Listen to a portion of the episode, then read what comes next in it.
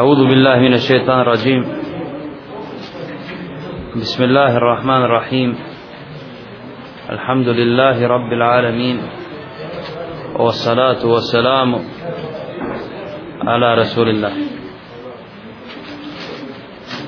Prije nego što počne drugi čas, ja ću vas samo napomenuti, odnosno one koji se juče nisu potpisali, da se potpišu na naš spisak, znači ovdje na stolu opet poslije ovog časa, ko se jučer nije potpisao, nek se danas potpiše. I sledi predavanje, drugo predavanje iz Akide profesora Vadim Sembaš Budu. Bismillah, alhamdulillah, salatu wassalamu ala rasulillah, wa bat. Govorili smo o stepenima skrušenosti. Je li tako ili nije? Koliko ima stepeni skrušenosti? Prvi. Prvi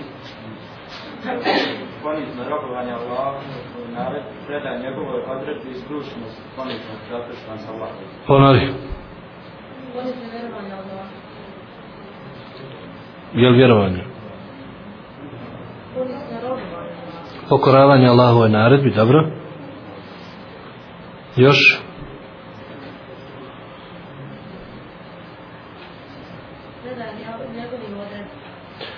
Pred, da se čovjek preda njegove odredbi i treći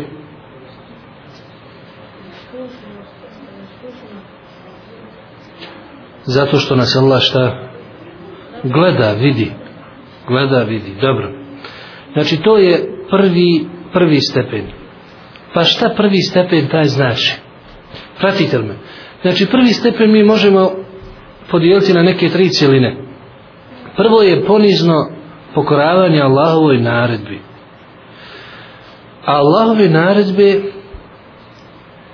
imamo u šerijatu u obliku zabrana i u obliku naredbi.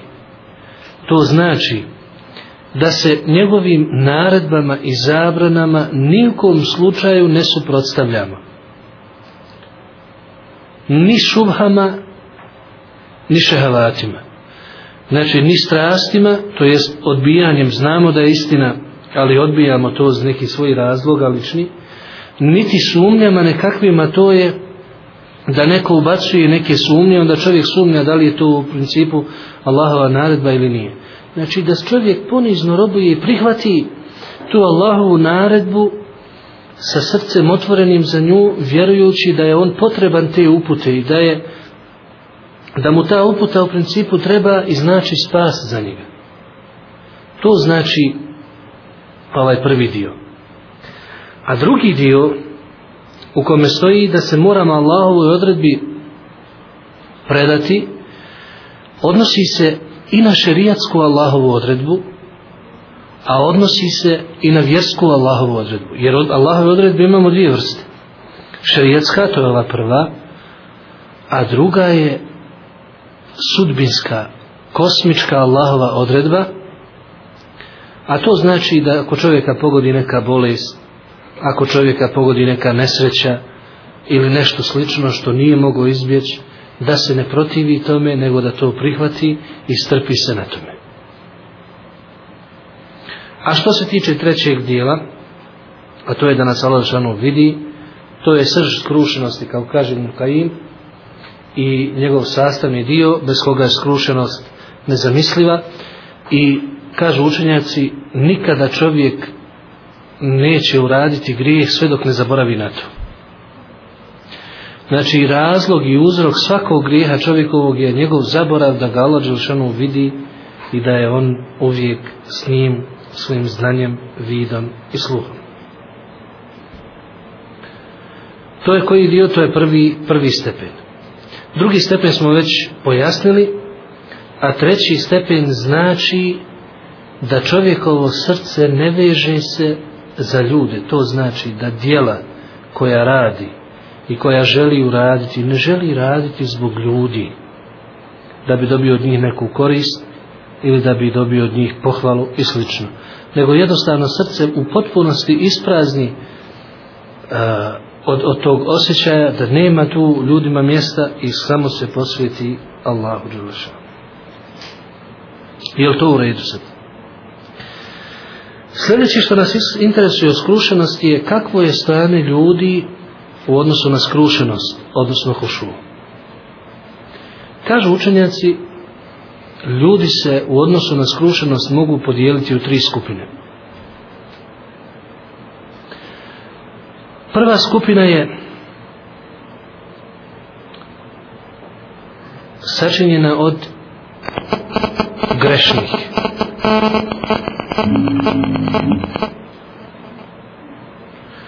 Prva skupina je sačinjena od grešnika. Znači onih koji nisu ispunili vađiv skrušenosti. Druga skupina su oni koji su umjereni. Kažu učenjaci, to su oni koji su ispunili vađib i zadržali se na vađibu, nisu išli u više stepene. I treća skupina to su oni koji se nadveću u skrušenosti. I u vezi s tim malo Đelešanohu je rekao sljedeći aret. Sura Fatir 23 ثم أورثنا الكتاب الذين استفينا من عبادنا فمنهم ظالم لنفسه ومنهم مختسب ومنهم سابق بالخيرات بإذن الله Zalike huwa al fadlu al kabir. Nakon njih objavu i knjigu dali smo onima koje smo odabrali od naših robova, pa je jedan dio njih bio nasilan, to jest grešan a drugi dio njih bio je umjeren, a bilo je i onih koji su se nadmetali u dobru sa Allahovom dozvolom, a to je velika blagodat.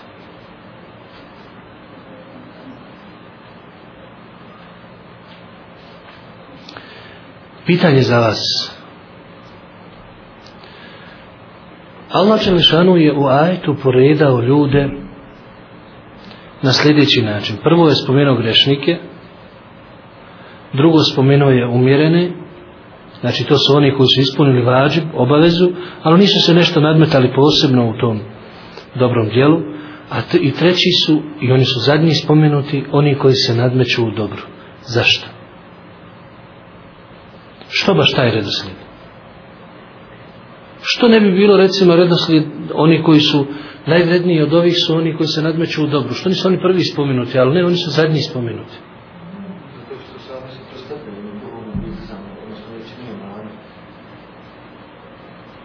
Mhm.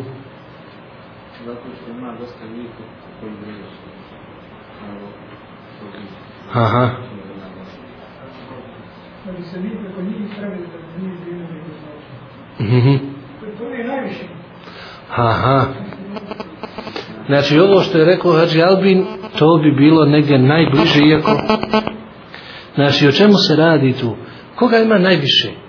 Oni koji su zulumčari prema samom sebi. Najviše tih ima. Potom idu oni koji su umjereni. Znači ima dosta i onih koji ispunjavaju obavezu, ali nisu nešto bog zna na nekim stepenima i dolazi onaj najmanji dio, onaj šlag od ozgo svega toga, a to su oni koji se nadmeću u hajru i dobru. A Allah Đelešanuhu najbolje zna. Dalje sljedeće što nas interesuje u vezi sa skrušenošću je da li je skrušenost jedna ili se skrušenost može podijeliti u više vrsta. Učenjaci poput Ibnu Kajima i drugih spomenuli su da se skrušenost dijeli na dvije vrste. Stvarni i ist, stvarna i istinska skrušenost i druga vrsta lažna skrušenost.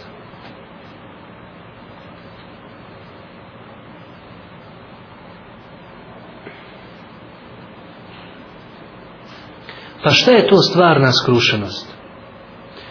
Kažu stvarna skrušenost je skrušenost koja se nalazi u srcu i manifestuje se na tijelu. Znači, to je skrušenost koja se nalazi u srcu i manifestuje se na tijelu. To je prava skrušenost. A šta je lažna skrušenost ili zovu je licemjerna skrušenost? Na nekim mjestima Ibn Kajim kaže to je licemjerna skrušenost. Koja je to skrušenost? To je skrušenost koja se nalazi na tijelu samo, ali nema je u srcu. To je lažna, neiskrena i pokuđena skrušenost.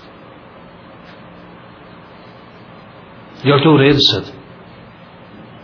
Međutim, ima jedna napomena ovde. Kažu učenjaci, iz ove lažne skrušenosti izuzima se jedno stanje, a to je, kada čovjek želi da dostigne stepen skrušenosti u srcu, pa on putem tijela pokušava tijelom na neki način da svoje tijelo natjera da bude skrušeno, s ciljem da dođe do srca. Kao vid nekakve vježbe i to je poželjno, to je jedan od načina da se dođe do skrušenosti. Ako je s tim ciljem, onda nije pokuđeno. Znači, ne može čovjek očekivati da će biti skrušen odjednom. Vidite, ashabi su bili ashabi, poslanik ih odgajao, pa je Allah zašao postio ih četiri godine da dođu do tog stepena da osjeti skrušenost pravda. Znači, ako je s ciljem da, da, da, da se trenira ta skrušenost i da putem tijela dođe se do srca, onda u tom slučaju nije pokuđeno. A u suprotnim slučajima, jeste. Je li u redu to? Dobro. Sljedeće što nas interesuje je kako doći do skrušenosti. Na koji način?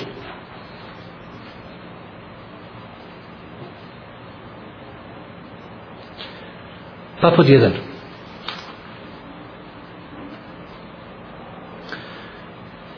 Prvo, što češće da se čovjek sjeća ako može uvijek da ga Allah vidi. I to je osnovno.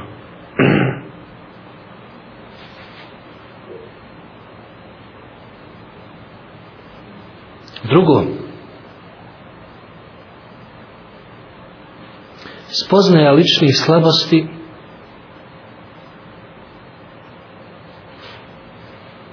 i slabosti u dijelima.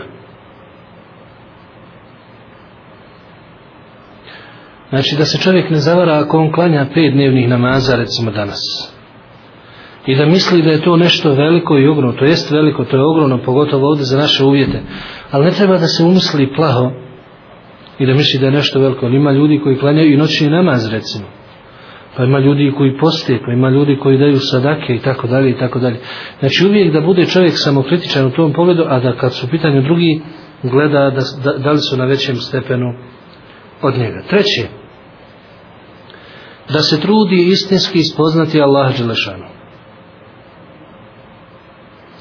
Jer Allah Đelešanu je i priznao u Kur'anu da su skrušeni i bogobojazni samo učeni.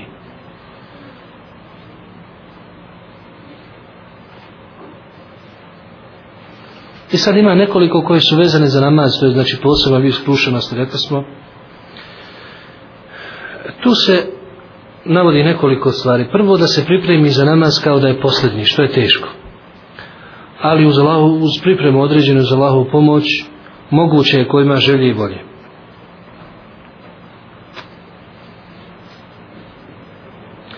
Peto, ono to je spomenuo Ibn Kesir u svom tefsiru, da čovjek kada nastupi namaz, srcem se posvijeti isključivo namazu i ni na što drugo da ne misli. I to nije lahko, pogotovo nama koji ulećemo s ulice u safove. Znači, zbog toga kažu neki učenjaci da sunneti prije namaza, i ostalo, taj period između ezana i kameta, nije samo propisan da bi se džemat sakupio, nego je propisan da ljudi koji dođu na džemat sjednu, klanjaju koju na filu, smire se, spomene Allaha Đelešanu da bi mogli biti spremni i skrušeni za namaz. Hm. Dalje šesto ili sedmo, nije važno, razmišljanje o Kur'anu. I sedmo, prirodnost i neusiljenost. Znači da čovjek ne bude usiljen i da nešto nasilu hoće, nego prirodno i uz Allahu pomoć doći će. I neusiljenost. Koristi skrušenosti. Šta to čovjek dobija kada postigne skrušenost. Pod jedan, tjera šeitane od sebe. Znači tu ulazi i džinski dodir i sihir i ostalo sve. Tjera od sebe ukoliko u njegovom srcu ima skrušenost i oni bježi od takvi. I što je čovjek skrušeniji, više od njega bježi. Drugo, visok položaj kod Allaha Đelešanu. Preneseno je naime od Abdullah ibn Mesuda, kako to bilježi imam el u svom dijelu Azot, da je rekao, ko bude skrušen i ponizan prema Allahu, on će ga uzdići na visoke stepene. Treće, uspjeh na oba svijet. Četvrto, postiže lijepe osobine, mi smo naveli dvije. Rekli smo da čovjek skrušenošću postiže da ne očekuje od ljudi neke posebne, neko posebno veličanje, poštivanje, ustajanje, ljubljenje ruku i tako dalje. A s druge strane on vidi svako dobro koje ljudi učine njemu ili bilo kome drugom i priznaje to dobro i zahvaljuje na njemu. Peto.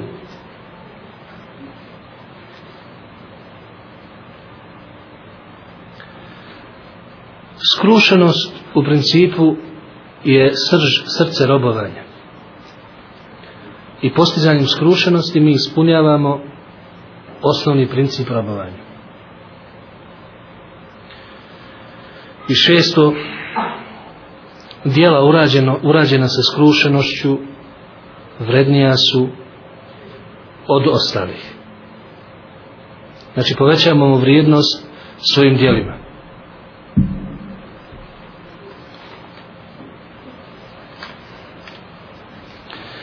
I na kraju ostalo nam je kao, ako Bog da šlag na ovo sve što smo rekli, stanja učenih i pobožnih iskrušenosti.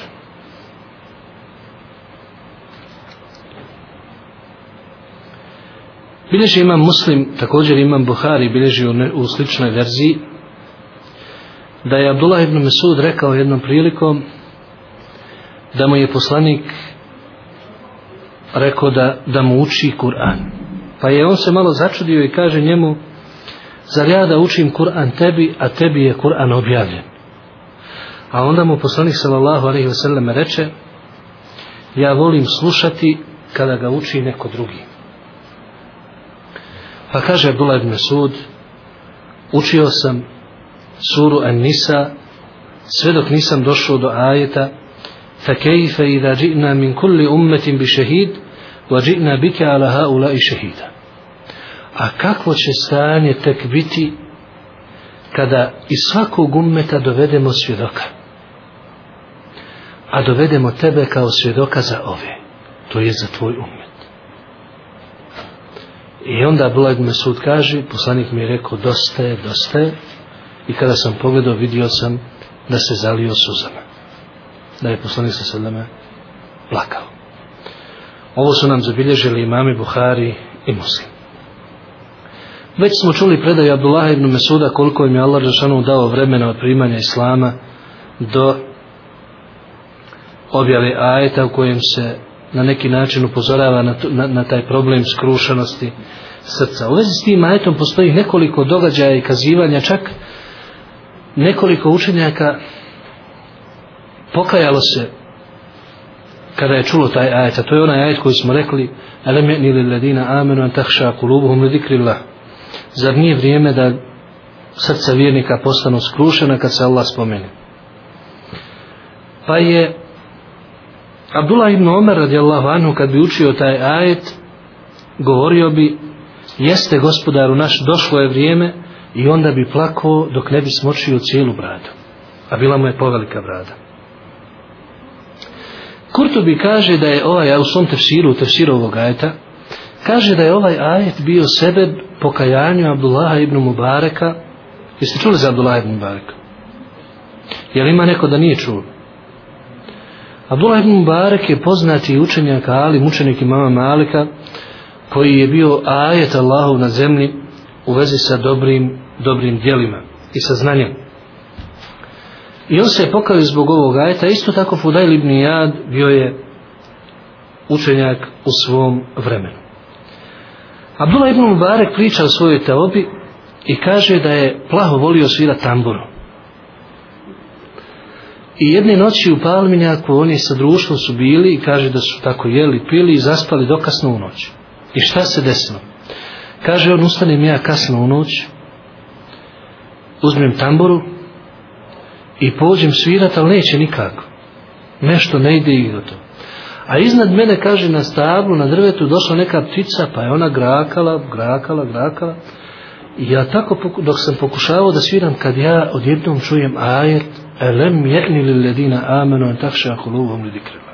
Zar nije vrijeme da se vjernicima srca skruše i da budu bogobojazna kad čuju spomen Allaha Đalešanu? Kad se okrenim kad ono ptica. Ptica mu proučila. Pazite, ja sam neke stvari, ovaj, kad sam birao ove neke događaje, pokušao sam maksimalno da približim svatanjima ovih ljudi danas, jer u istinu, tih događaja koji su bili sa ljudima i kako su ljudi se odnosili prema skrušenosti, ima nekad i čudnih, pa se bojim da neko neće reći nije to istina, to su izmišljene priče.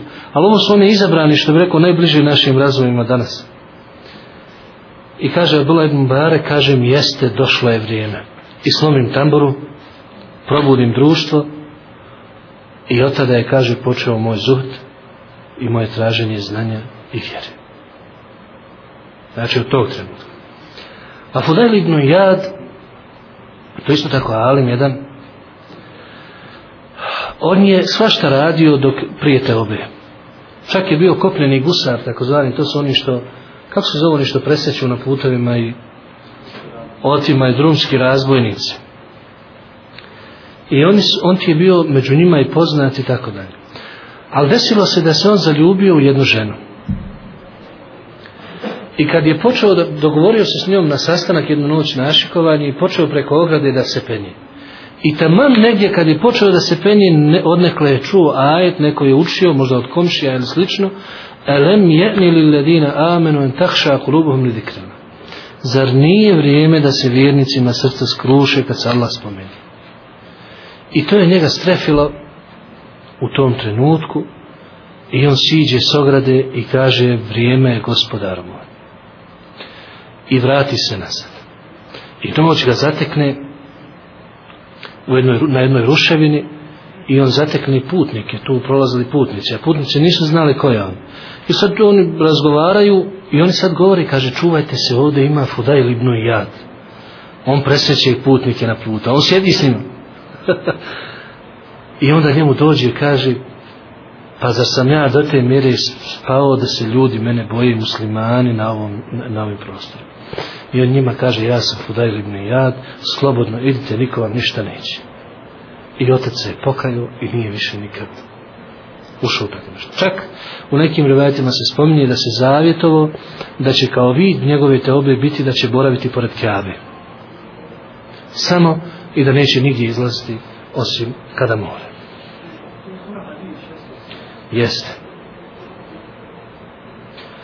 A što se tiče Abdullah ibn Mubareka, kako je on posle toga bio pobožan i slično, u nekim rivajatima se spominje da kad bi on čitao hadise o, o skromnosti, o rakajku, o skrušenosti, o, o, o tim osjećanjima, da bi toliko plako isto ko kravu kad zakolješ, tako se spominje. Ako je nekad vidio kako se kolje krava, pa ono, pa ono ima krkljanje, pa, pa ovo, pa ono, on ne bi mogao od plaća uopšte da se razumije šta to govori čovjeka. Abdullah ibn Mubarak rahimahullah ta'ala Abdullah ibn Umar radijallahu anhum radijallahu anhuma jednom prilikom je učio ajet vejlu lil mutafifin teško li se onima koji zakidaju na vagi, na mjerenju i tako dalje pa na kraju se kaže zar oni ne misle da će pred gospodara svjetova stati pa je tu stao pa je ponovo ponavljao, pa je tu ponovo stao i na kraju se zagrcno srušio se i nije mogo nastaviti dalje učiti, učiti ajde. Također ima mnogo događaja i priča o ajetu u kojem Allah šanu kaže Hasibe ladine štarahu sejiat en je džalahum en ne džalahum ke ladine amenu amilu salihat zar misle oni koji rade loša djela da ćemo mi s njima postupati kao sa vjernicima i onima koji rade dobra djela i tu ima mnogo mnogo tih kazivanja jedan od učenjaka Rabija ibn Hutejm je ustao na noćni namaz također proveo cijelu noć ponavljajući samo taj ajet. A Mesruk, Mesruk to je jedan od tabina koji je kao mali bio ukraden i zato se zove Mesruk. Mesruk znači ukraden. I ponovno su ga našli. Kaže, jednom prilikom sam bio u Mekki i jedan Mekelija mi dođe. I kaže, slušaj, evo ovde na ovom mjestu sam vidio Temima Eddarija, ashaba Allahovog poslanika sam. Klanio je cijelu noć i ponavljao samo jedan ajet kroz plač, ovaj što smo malo prije proučili. Zar misle oni koji rade grijehe, da ćemo s njima postupiti kao sa onima koji vjeruju i rade dobra djela? Ibrahim Nahaj, također učenik Abdullah ibn Masuda radi Allahu anhum, kad god bi čuo ajeti da se ma'u šakat, kada se nebo rascijepi, jednostavno bi se streso i zagubio se isto da ga obuhvati neko stanje gdje se ne može snaći. Jedan od učenjaka Thabit al-Bunani bolilo ga oko. I ode on doktoru u to vrijeme i kaže njemu u to vrijeme ljekar ima lijek za to tvoje oko, ali moraš ispuniti jedan uslov. Kaže šta? Kaže ne smiješ plakat. Smetaju ti suze a on njemu kaže a šta će mi oko koje ne plaće šta ima koristi od oka ako neće ako neće plakati kažu da je Jakub el Hadrami toliko se zanese u namazu da su mu jednom prilikom dok je klanio došli neki mafijaši i ukrali mu ogrtač sa leđa i ljudi su ih ufatili i stavili mu ogrtač na leđa a on to ništa nije znao Znači prije se ogrtačeno bili, nije bilo rukava svako kako, nego ogrtačeno ako. I čovjek klanja, dođe ljudi skinu, trka za njima, ufate i vrati ogrtač, ništa. Sav zaneseno namaz. Od Zainu Labidina se prenosi da, da je često znao prije abdesta problijediti, tresti se, pa su ga jednom prilikom pitali, a zašto to? Zbog čega? A on bi im samo reci, pa zar vama nije jasno pred koga vi stajete sad? Zar vama nije jasno pred koga vi stajete sad? Toliko ovih još primjera ima, nećemo više duljiti, dobit ćete ako Bog da u pismenoj formi. Na kulu kao lihada, vas takfiru Allah, vas sallallahu na nabinu mahanu. Allah subhanahu wa ta'ala molim da brata nagradi za predavanja.